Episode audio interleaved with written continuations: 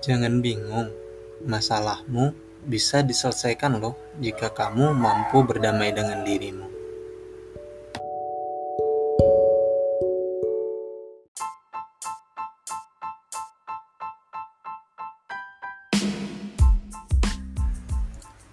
Hai hai dulur, Assalamualaikum warahmatullahi wabarakatuh. Selamat datang dan bergabung dalam podcast Ruang Aku Pada podcast pertama dengan tema besar bisnis ini Aku mau berbagi kepada kalian semua nih Tentang salah satu alternatif solusi bisnis terkhusus buat kalian Yang saat ini berstatus sebagai mahasiswa, pelajar, atau siapa pun kalian yang lagi berjuang di tanah rantau yang memiliki jejaring dengan dunia pendidikan. Nah, di era sekarang ini merupakan era disrupsi. Banyak brand atau pelaku usaha konvensional yang tidak mampu untuk survive melawan derasnya laju disrupsi yang terjadi. Apalagi di tahun 2020 ini, kita dihadapi dengan situasi pandemi COVID-19 yang mengharuskan kita untuk terjebak dalam ruang nostalgia. Ya, kidding dong Maksudnya adalah ruang di mana kita terpaksa mengisolasi diri kita dari kehidupan dan hiruk pikuk kita sebelumnya. Oh iya, sebelum lanjut pada inti pembahasan kita kali ini lor, kata nenek, kalau tak kenal maka tak akan sayang. Untuk itu, saya mau ngenalin diri ke dulur sekalian. Nama saya Indra Lesmana, masih berstatus sebagai mahasiswa di salah satu perguruan tinggi negeri. Saya aktif sebagai aktivis mahasiswa dan juga sebagai pelaku usaha di dunia kampus.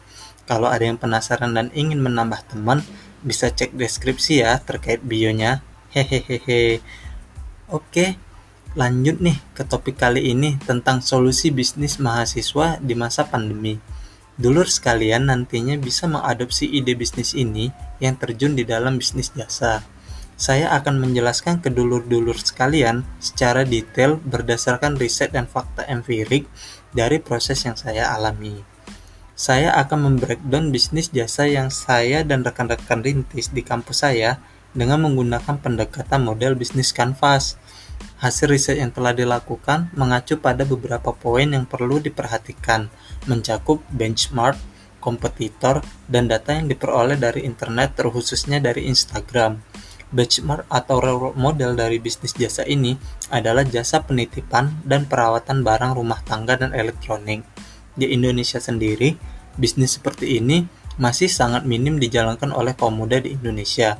Hal ini ditunjukkan dengan cuma adanya bisnis sejenis yang hanya beroperasi di beberapa di beberapa kota besar saja di Pulau Jawa seperti Bekasi, Bogor, dan Yogyakarta yang beroperasi dengan memanfaatkan digital.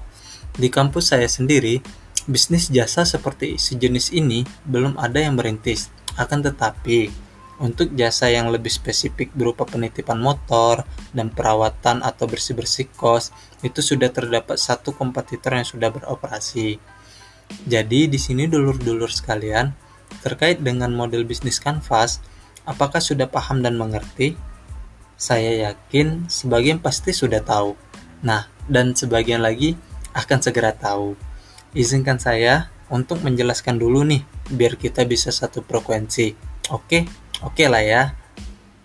Baik, pada umumnya, bisnis model kanvas ini adalah metode untuk menjelaskan sebuah ide bisnis yang dapat memberikan manfaat kepada konsumen. Dengan kata lain, perusahaan sebagai pemberi manfaat dan konsumen sebagai penerima manfaat. Adapun manfaat dari menggunakan metode bisnis model kanvas ini adalah mampu memberikan rancangan berpikir, memberikan pemahaman yang sama, dan mampu membantu agar lebih fokus.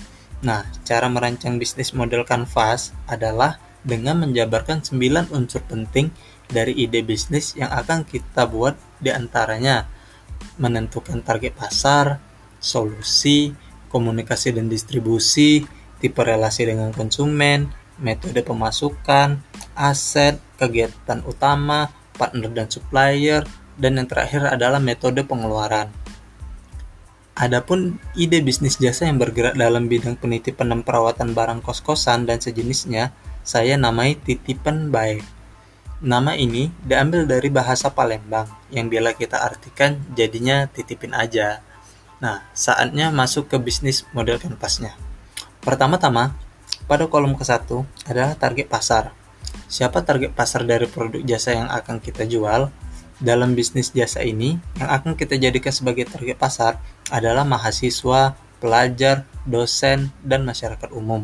Nah, terkhususnya mahasiswa atau pelajar yang ingin menghemat biaya kos-kosan selama kos-kosan mereka tidak terpakai.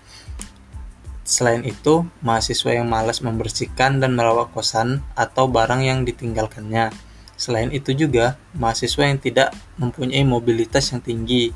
Dan yang terakhir, mahasiswa yang tidak mempunyai kendaraan. Nah, setelah menentukan target pasar, kita akan menjawab di bagian solusi. Nah, bagian solusi yang tepat di mana tersusun dari hal-hal yang menjadi permasalahan target di kolom kedua, solusi merupakan susunan dari produk yang kita punya yang menjawab kebutuhan dari target pasar. Dalam hal ini, jasa kita menyediakan titipan untuk pindahan, titipan untuk pengiriman barang, titipan untuk perawatan pakaian, titipan untuk pengiriman, dan titipan kendaraan dan barang elektronik, serta titipan bersih-bersih kosan. Berbagai variasi jasa yang ditawarkan juga dikemas dengan berbagai macam paket penyediaan jasa dan tentunya bebas ongkos kirim dong. Dan satu lagi yang terpenting dari jasa ini adalah teman-teman sekalian yang menggunakan jasa ini pokoknya terima beres deh. Setelah itu, pada kolom ketiga berupa komunikasi dan distribusi, kita harus menentukan media yang tepat untuk mengkomunikasikan bisnis yang kita jalani. Dalam hal ini, seperti WhatsApp dan Instagram berserta sosial media lainnya, serta pamflet-pamflet yang kita sebar di berbagai tempat yang strategis baik itu di kampus maupun tempat-tempat tongkrongan anak-anak. Nah, lalu pada kolom keempat yaitu tipe relasi dan konsumen dengan konsumen, kita bisa menentukan cara berinteraksi dengan konsumen dengan pendekatan langsung seperti live chat atau melalui aplikasi. Nah, selanjutnya kolom kelima berupa metode pemasukan di mana kita menentukan dari mana bisnis kita mendapatkan keuntungan. Dalam bisnis jasa ini, pendapatan didapatkan dari dari penggunaan layanan jasa oleh pengguna jasa. Jadi, kita menerima orderan atau eh, jasa penggunaan jasanya setelah itu, masuk ke kolom yang keenam berupa aset, di mana ini merupakan apa yang harus kita punya yang terpenting di dalam bisnis jasa penitipan ini.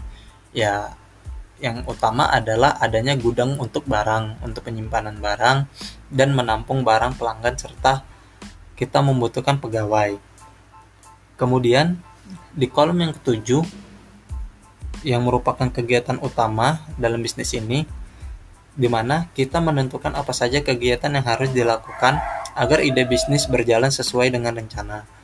Kegiatan pada bisnis jasa ini berupa pemasaran, perawatan, pembersihan, pengantaran barang, dan pemeliharaan barang.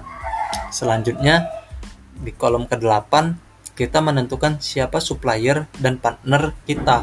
Contohnya seperti vendor, tempat laundry, dan gudang untuk menyimpan barang. Setelah itu brand ambassador untuk promosi, yaitu berupa tokoh-tokoh yang berada di dalam kampus maupun di luar kampus yang hits dan terpercaya yang berada di sekitar lingkup daerah bisnis jasa kita beroperasi. Nah, selain itu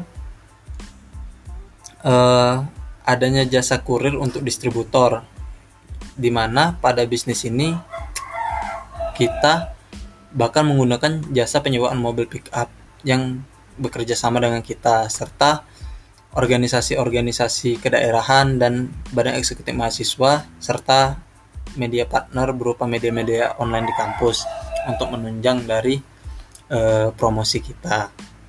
Nah, dan yang terakhir yaitu metode pengeluaran kita harus mengetahui apa saja yang harus dikeluarkan untuk menjalankan ide bisnis Nah, hal ini dapat berupa gaji karyawan, biaya operasional, biaya sewa gudang, dan biaya promosi tentunya. Nah, dulu-dulu sekalian, itulah salah satu ide bisnis di bidang jasa yang dapat menjadi referensi dulu-dulur terlebih di masa pandemi seperti ini.